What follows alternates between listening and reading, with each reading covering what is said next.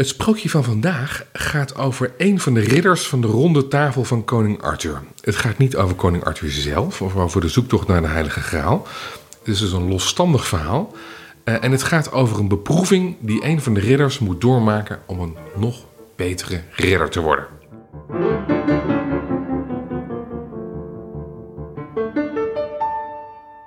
Kees Geelhoed, welkom. Waarom koos jij voor vandaag een verhaal uit de Oud-Engelse traditie?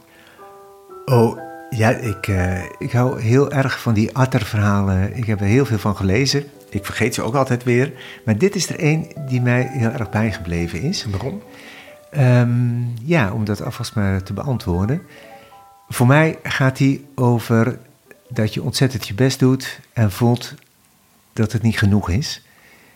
En, uh, ook zo'n menselijk gevoel. Ook zo'n menselijk gevoel. En uh, in tegenstelling tot heel veel andere oude verhalen, dat het mild eindigt. Goed, we gaan daar uitgebreid over verder praten, ja. zo direct. Maar eerst ga je het verhaal vertellen. Ja, oké. Okay. Het was een nieuwjaarsdag.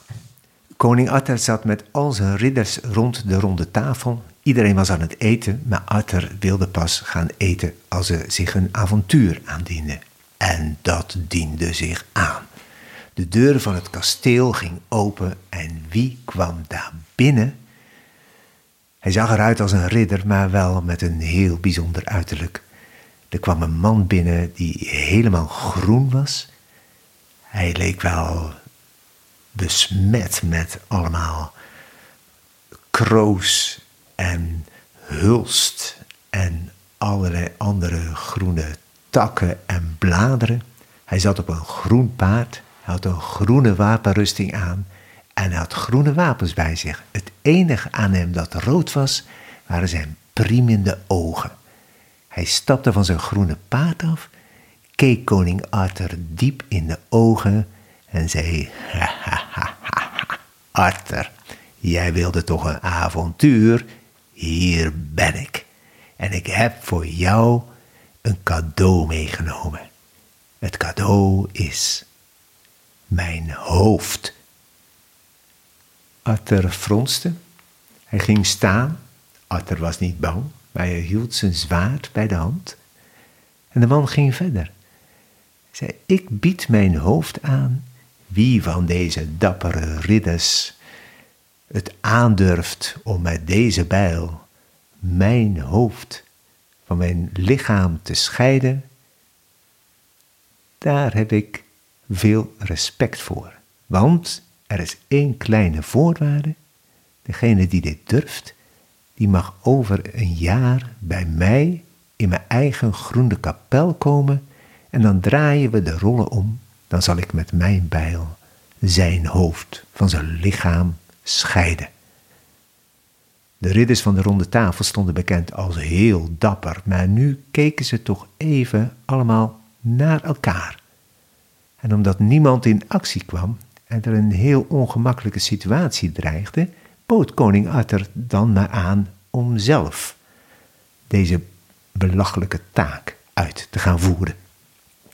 En hij wilde dat doen en die groene ridder die knielde en hij streek zijn groene haren uit zijn nek en bood de bijl aan aan koning Arthur toen er uit die kring toch iemand opstond. Het was nog een jonge vent. Het was Gawain, de neef van koning Arthur. Hij zei: Sire, u moet dit niet doen. Het is mijn taak als ridder om u te beschermen, dus ik zal in uw plaats deze taak uitvoeren. Iets in koning Arthur was heel opgelucht toen zijn neef dit aanbood. En hij zei tegen Gawain: Gawain, sla hard, dan is deze man dood en hebben we geen last meer van hem. Gawain was jong, maar sterk. Hij bracht de bijl boven zijn hoofd en liet hem zingend neerkomen in de nek van de groene ridder. De bijl ging door huid, de bijl ging door botten, de bijl ging door het vlees en daar rolde die groene kop van die ridder over de vloer van het kasteel helemaal tot onder de ronde tafel. En bloed droop uit de nek Maar tot verbazing van al die ridders van de ronde tafel zakte het lichaam niet ineen. Het stond rechtop. Het begon te lopen in de richting van waar het hoofd verdwenen was en bukte zich en haalde van onder die tafel het groene afgehakte hoofd naar zich toe. En het hoofd richtte zich op Gawain. En die rode ogen keken Gawain priemend aan en zeiden ze, oh Gawain, dat heb je goed gedaan. Ik verheug me erop dat jij over een jaar bij mij te gast bent in de Groene Kapel. En dan zal deze bijl door jouw nek gaan. Koning Arthur had, zoals ik zei, nog niet gegeten voordat er een avontuur was. Hij ging nu wel eten, maar bij Gawain was de eetlust helemaal verdwenen. Hij zag die ridder op zijn paard stijgen, met het hoofd onder zijn arm en uit het zicht verdwijnen. En Gawain wist het wel.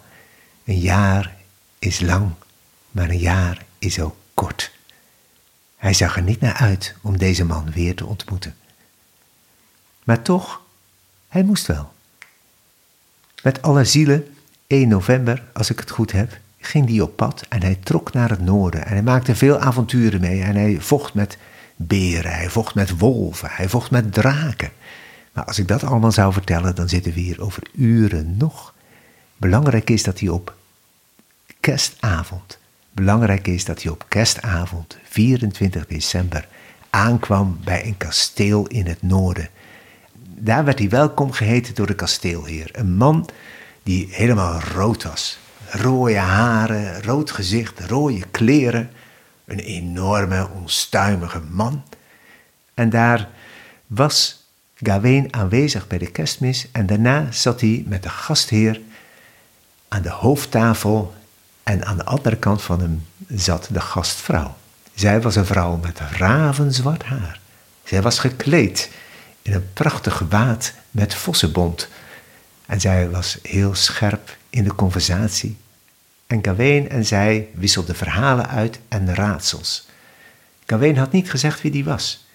Hij maakte mee dat na de maaltijd de gastheer opstond en op een woeste manier begon te dansen. En zo woest dat het zo aanstekelijk was dat iedereen meedanste. En zo verliep die dag. En zo verliep de volgende dag. Het was feestelijk. En Gawain vergat waar hij naar op weg was. Maar aan het begin van de derde dag zei hij tegen de gastheer: Ik moet u zeggen dat ik moet opbreken, want ik moet verder. En de gastheer zei: Je hebt me nog helemaal niet eens verteld wie je bent. Ik ben Gawain, een ridder van de ronde tafel. En ik moet naar de groene kapel om de groene ridder te ontmoeten. En de man lachte: Nou, Gawain, Gawain, dat komt helemaal goed. Ik ben heel vereerd dat jij hier bent. En die groene kapel, die is een uur hier vandaan. Dus je kunt nog dagen met mij feesten. Ik doe je een kerstaanbieding. Je zult wel moe zijn na al dat reizen. Ik bied aan dat ik de komende dagen iedere dag op jacht ga. Ik geef jou wat ik gevangen heb. Jij zult moe zijn. Jij blijft in bed liggen. En je brengt mij iedere avond de opbrengst van wat het in bed liggen jou gegeven heeft. Gawain vond het een vreemd voorstel, maar zag er ook geen kwaad in. Dus hij ging akkoord. Die nacht sliep hij slecht. Hij stelde zich voor dat er een bijl door zijn nek ging. Vroeg in de ochtend ging de kasteelheer op pad. Met zijn mannen, hij ging op wilde zwijnen jagen.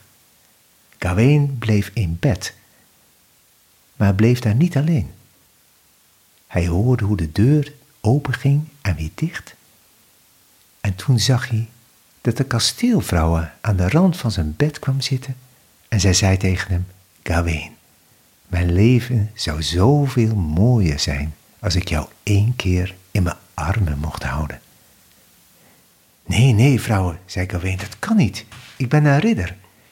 Ik heb gezworen dat ik de gastvrijheid van uw man in acht zal nemen. Gawain, als dat niet kan, mag ik je dan tenminste één kus geven? En ze leunde over hem heen en gaf hem een kus op zijn wang.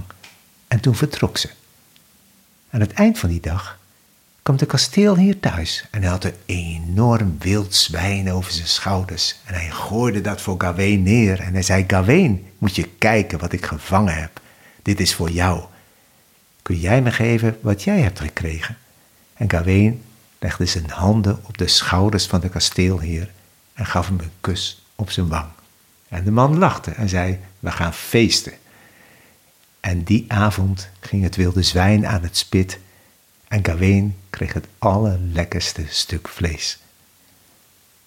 Maar s'nachts sliep hij slecht, want hij zag weer die bijl door zijn nek gaan. In de ochtend ging de kasteelheer op jacht. Nu ging hij op herten jagen. Gawain bleef in bed, maar hij werd wakker doordat de bedgordijntjes opzij werden getrokken. En de kasteelvrouwe stond daar en ze zei Gawain, mijn leven zou toch zoveel mooier zijn als ik eenmaal in jouw armen zou mogen liggen. Gawain, is jouw hart koud geraakt door de winter? Of is er in het kasteel van koning Arthur een vrouw die je nog mooier vindt dan ik? Nee, nee, vrouw, zei Gawain. Gawain, als jij dit niet wil, dan mag ik je toch zeker wel twee kussen geven. En ze kusten hem eerst op de ene en toen op de andere wang. En ze gingen vandoor. En aan het eind van de dag was daar weer de kasteelheer die nu twee herten had gevangen en die aan Gawain gaf en zei, Gawain, wat heb jij voor opbrengst van deze dag? En Gawain gaf hem op iedere wang een kus. En de kasteelheer lachte bulderend en zei, kom, we gaan feesten. Dat deden ze, maar die nacht sliep Gawain slecht. De volgende ochtend ging de kasteelheer op jacht naar vossen. En Gawain werd wakker doordat iemand met haar handen door zijn haar woelde. Het was de kasteelvrouwe. En ze zei weer, Gawain, Gawain, wat zou mijn leven toch zoveel mooier zijn als ik je eenmaal in mijn armen mocht houden. Maar blijkbaar wil je dat niet. Gawain, wil je me alsjeblieft iets geven als aandenken? Ik heb niets, dame, zei Gawain. Ik heb alleen mijn wapenrusting bij me. Gawain, vind je het dan goed dat ik jou iets geef? En zij gaf hem een groene stoffen band en zei, als je die om je middel draagt, is er geen wapen dat jou kan doden. En Gawain nam die band maar al te graag aan, want de volgende dag was het nieuwjaar. De vrouwen ging weer nadat zij hem drie kussen had gegeven. En die avond wisselde Gawain die drie kussen uit voor een stinkend karkas van een vos. Maar gaf hij die groene band aan de gastheer? Dat deed hij niet. De volgende ochtend werd hij ruw wakker gemaakt. Met een schildknaap van de gastheer ging hij op weg naar de groene kapel. En ze reden door het bos, stonden op een heuvel en daar, zei de schildknaap, daar is het heer, maar ik zou er niet heen gaan. Velen hebben deze weg al afgelegd en nog nooit is iemand levend teruggekomen. Maar Gawain dacht, ik ben een ridder. Ik moet kiezen voor mijn leven of voor mijn eer. En mijn eer is me meer waard. Zij ging naar beneden en daar wachtte op hem de groene ridder, die bezig was om zijn bijl te slijpen. Ha, Gawain, welkom hier. Maak je gereed om de dood te ontmoeten. En met tegenzin stapte Gawain af. En hij knielde en maakte zijn nek vrij van haren. En de groene ridder bracht de bijl in de lucht en zingend kwam hij neer. Maar Gawain deinsde iets opzij op het moment dat de bijl neerkwam. Gawain, Gawain, wat doe je nou? zei de groene ridder. Ik deinsde toch ook niet terug op het moment dat jij die bijl door mijn hals joeg? Nee, dat klopt, zei Gawain. Maar als ik zeker wist dat ik mijn hoofd weer zou kunnen oprapen en ermee weglopen, net als u, dan was ik ook niet teruggedeinst. Een tweede poging zou plaatsvinden. En weer sloeg de ridder met de bijl, maar hij sloeg mis. De bijl bleef in de bevroren grond steken. Maak het kort, zei Gawain, alsjeblieft kwel me niet zo. De derde slag raakte Gawain en verwondde hem. Hij schampte zijn nek, maar hij doodde hem niet. En nu was het genoeg geweest. Gawain sprong op en hij pakte zijn zwaard en hij zei... Nu heeft hij genoeg geslagen. Nu is het een gevecht van man tot man.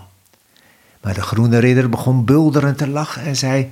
Kijk nou toch eens goed naar mij, Gawain. En hij veranderde van een groene ridder in een rode... en toen weer in een groene en toen weer in een rode. En hij zei, Gawain, al die slagen die ik jou heb toegebracht... die hebben te maken met wat je mij iedere ochtend hebt gegeven. En de eerste slag heeft jou niet geraakt. En dat komt omdat jij mij eerlijk, toen je bij mij te gast was, de zoen hebt gegeven die mijn vrouw jou had gegeven. Dat was ook de tweede dag zo. Maar de derde dag heb je mij drie kussen gegeven die mijn vrouw aan jou had gegeven. Maar heb je me die groene band gegeven die mijn vrouw aan jou gegeven had? Dat niet. En Gawain schaamde zich en hij wilde de groene band teruggeven aan de ridder, want hij dacht, ik heb meer van mijn leven gehouden dan van mijn eer. Ik ben die groene band niet waard. Nee, nee, nee, zei de ridder, zo is het niet, Gawain. Jij bent een parel onder de ridders. En het is geen schande om van je leven te houden. Zo was het en zo gingen ze uit elkaar, ondanks dat de ridder aan Gawain aanbood dat hij nog langer kon blijven. Gawain wilde terug naar koning Arthur. En daar deed hij zijn verhaal en Arthur was diep onder de indruk. En Gawain hield vanaf dat moment altijd die groene band om zijn middel als teken dat hij, al was hij bijna perfect, toch ook zijn momenten van imperfectie had, dat hij meer van zijn leven hield dan dat hij zijn eer bewaarde. Maar het was toch ook een beetje de andere kant. Dat het geen schande was om van je leven te houden. dat is een mooie laatste zin van dit verhaal. Ja. Ja, dat vind ik nou ook. Ja. ja. Ehm, en de oorspronkelijke laatste zin is een andere laatste zin. Daar, daar, daar komen we dan zo nog wel Mhm. even eh, op terug. Waar, waar gaat het verhaal voor, volgens jou over? Ja, het gaat voor mij voor, over veel dingen. Het gaat over dat het zo'n ongelooflijke harde en ruwe tijd was. Hè? Van ehm, je eer was belangrijk, maar dat betekende dus dat je leven minder belangrijk was. Dat was toen heel belangrijk. Ik vind het nu eigenlijk weer actueel. Iedereen die soldaat is in een leger, heeft daar ook mee te maken. Van eh, je moet vechten. En dat kan betekenen dat je je leven verliest. Dat is nogal wat. Die hele context vind ik belangrijk daarin. En verder eh, is voor mij persoonlijk, voel ik van, die Gawain die gaat daar heel ver in. En die weet, ehm, als ik ga, dan verlies ik mijn hoofd. Als ik blijf, dan verlies ik mijn eer. Maar ik ga wel. En hij doet eigenlijk bijna alle dingen doet hij goed. Alleen die band, denkt hij van ja, als ik die band om me heen heb, dan verlies ik morgen mijn leven niet. Dus komt hij niet de afspraak na dat hij alles wat hij gekregen heeft ook aan die kasteelheer geeft. Eigenlijk breekt hij. Ja, En breekt daarmee zijn eer. ja, Maar dat wordt hem niet zwaar aangerekend. nee, en dat vind ik het mooie. Ja. Ja. Want? Eh, Want de keuze is heel simpel. Je eer of je leven. Dat is de keuze. ja, En hij kiest eigenlijk voor zijn leven. En Ja. dus niet voor zijn eer. ja, En dus komt hij daarmee de ridderlijke afspraak komt hij niet na. nee. Maar die is toch eigenlijk ook te zwaar, zou je kunnen zeggen. Ja, dat vinden jij en ik. Maar hoe werd, Ik dat, wel, toen- ja. maar hoe werd dat toen ervaren? Ja, ja, Hij kwam ermee weg dus. Hij kwam ermee weg, ja. Maar hij deed ook heel veel dingen goed. En dat vind ik het mooie in specifiek dit ridderverhaal. Weet je, Ja. zo van... het, het is een soort van... Ja, niet te relativeren eh, plicht die je hebt. En hij doet het voor... negentiende doet hij het goed. Dus dan zou je eigenlijk denken van... het is niet te relativeren, dus hij doet het niet goed. Het loopt slecht met hem af. Maar toch loopt het goed met hem af. En dat is eigenlijk wat ik het mooie vind. Ja, dus er zit ook een, dus er zit ook een, relativering in en een nuancering in plaats Ja. van dat het heel zwart Precies, is. ja, dat vind ik heel mooi. Hey, ja. Sprookjes gaan natuurlijk ook vaak over eh, goed en kwaad. Ja. en moeten ons als burgers en buitenlui en echt wij gewone stervelingen. Ja. Wij moeten een, een beeld voorgespiegeld krijgen van wat nastrevenswaardig is. Wat, Ja. wat een goed leven is en wat een goed mens is. En daarvoor vertellen we elkaar verhalen om, om elkaar te leren wat goed en kwaad is. Nou, bijvoorbeeld in dit geval, in, in dit geval bijvoorbeeld dapperheid of trouw of eer. Ehm, alleen dan met een, een ridder in de hoofdrol. Ja. In plaats van dat je naar de Bold and the Beautiful kijkt. Hè, om, de- om, om daar ook die normen en waarden Ja. eh, eh, in te krijgen. Dus eigenlijk is het een heel logisch, eh, is, het een, is het een heel logisch verhaal. Dit moest ons, of dit moesten mensen toen vertellen wat een goed leven was. En een goed leven is ehm, je, heer, je heer beschermen. Ja. Hè? Want die is in gevaar. Als koning Arthur de uitdaging aangenomen had, dan had het de dood van Arthur kunnen En betekenen. daarmee de dood van het koninkrijk. Ja, Ja? maar dat was dus met gevaar voor eigen leven. En die Ja. moed moet je dus opbrengen om Dus- met gevaar voor eigen leven in te grijpen. Ja. Dus het koninkrijk en de koning beschermen. Moed, dapperheid. Ja. Welke waarden komen nog meer naar voren hier? Nou, het gaat om eh, het gastheerschap hè, van die kasteelheer. Ja. Eh, en hij wordt op de proef gesteld. Ja. Van, eh, hij wordt verleid door de vrouw van de kasteelheer. Je snapt eigenlijk niet zo goed. Hè? Spelen ze nou onder een hoedje? Ja. Uiteindelijk achteraf wel. Ja. Ehm, en dan gaat het er ook om van wat is belangrijker voor jou? Eh, de kans grijpen of ehm, de waarde van de gastvrijheid ehm, waarderen en volgens die waarde handelen. En daar kiest Gawain voor. Ja. Dat is een belangrijke, denk ik. En ook iets, er zit ook iets van, van seksualiteit in. Ja, Blijf van anders zijn vrouw af. ja, Toch? ja. Ja, dat Ook is, als ze zich verleidelijk opstelt. Ja, dus- dat, was, dat was zeker, dat is nu nog steeds, maar zeker in de middeleeuwen is dat een heldere boodschap. Ja, Ja. ja. ja. Mooi, hè? Dus Ja. ja. prachtig. Je zegt, eh, je begon met eh, hè, wat, je, wat jij eruit haalt, je best doen. Ja. En het is dus niet genoeg. Ja, nou ja, dat, dat, voor mij is dat een, eh, een milde boodschap. Een, een soort van troostende boodschap. Van, eh, ik, ik doe ook mijn best in het leven. Eh, maar ik kan... Toch is compassie niet het eerste waar ik aan denk als ik aan ridderverhalen denk. Nee, maar juist hier zit het wel in. Hier zit Dus dus, die hele mooi. rauwe kant, die vechtkant zit erin, dat gevaar zit erin.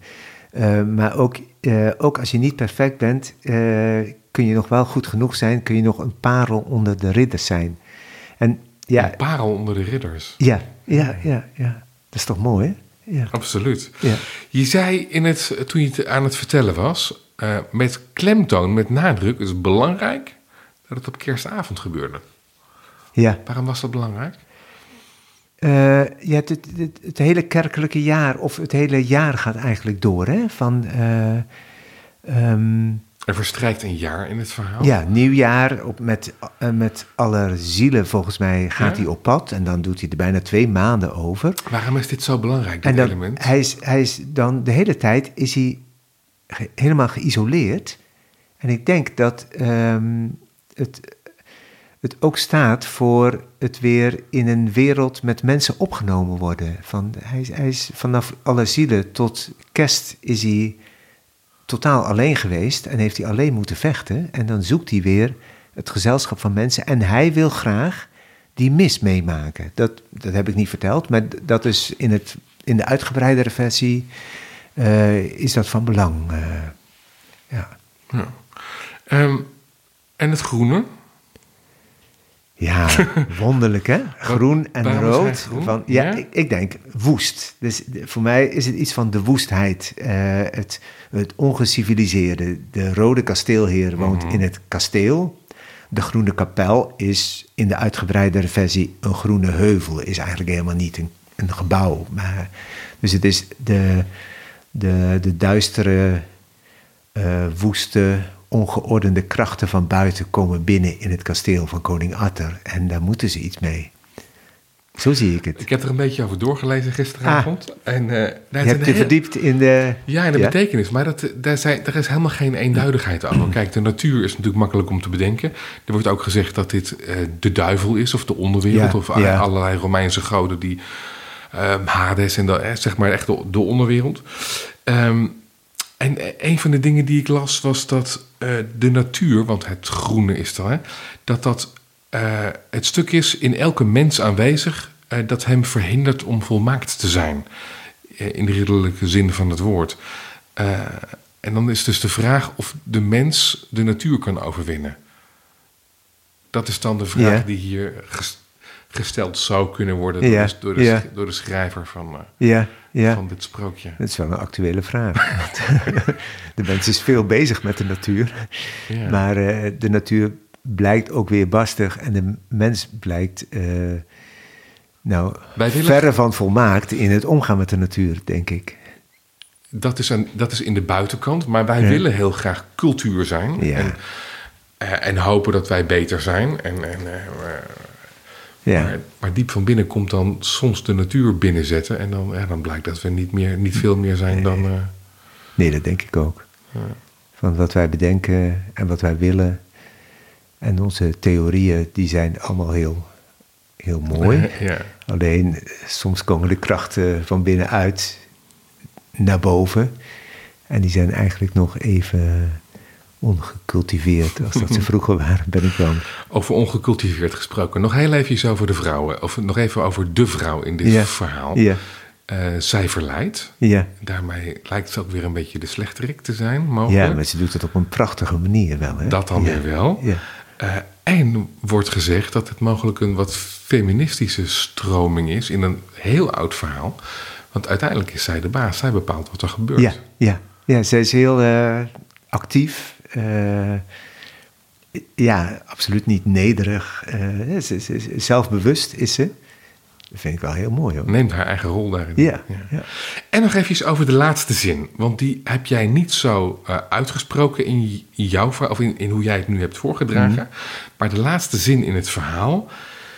Honi soit kimal ipense. En dat is dan volgens mij een Franse invloed in dit Engelse verhaal. Wee degene die er kwaad van denkt. Ja, Dat is een, belang, is een belangrijk element en een belangrijk motief in dit verhaal. Ja. Wordt gezegd door literatuurkenners. Wee degene die er kwaad van denkt. Ja. Waarom is dat zo belangrijk? Ehm, nou, dat weet ik niet precies, maar, de, ehm, maar ik heb dat allemaal weggelaten. Ja? Maar, hè, dit wordt wel gezien als ehm, het begin zeg maar, van eh, de orde van de kousenband. van, eh, Mhm. Dit verhaal, Dit ja. verhaal, ja. Ehm, wat eigenlijk de ridders van de ronde tafel dwong om... ehm, ja, dingen te doen die misschien op het eerste gezicht niet zouden kloppen, maar die vanuit een goed hart en goed ridderschap gedaan werden. Ehm, en daar staat die groene stoffen band ook Band voor. ook voor. Ja. Maar dit helpt ons dus nog weer misschien extra om te reflecteren op, eh, op moraliteit. Van je weet niet wat er in een ander gebeurt, je weet niet wat er in een ander plaatsvindt aan allerlei overwegingen. Wee degene die er kwaad van denkt. Het is moeilijk om je echt in te leven in de ander. En de motieven van de ander echt te doorgronden.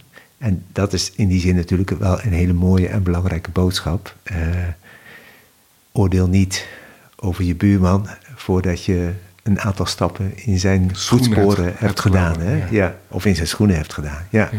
Ja. Dat is wel mooi, hè? Nou, laten we daarmee afsluiten. Oké. Dankjewel, Kees Geelhoed. Graag gedaan. voor het vertellen van dit verhaal, wat dus eh, oorspronkelijk in een langere traditie staat van al die Arthur-verhalen. Ehm, heer Gawijn, spreek ik dat zo goed uit? Ja, ik zeg Gawain, Gawain. ik kan het allebei zeggen. Ja. Heer Gawijn en de Groene Ridder in de Sprookjespodcast. Dankjewel voor het luisteren. In de Sprookjespodcast hoor je elke aflevering een nieuw sprookje van over de hele wereld. Mijn naam is Basti Barancini en vandaag hoorde je verhalenverteller Kees Geelhoed. Als je meer van hem wil weten, kijk dan op vertellerkeesgeelhoed.nl.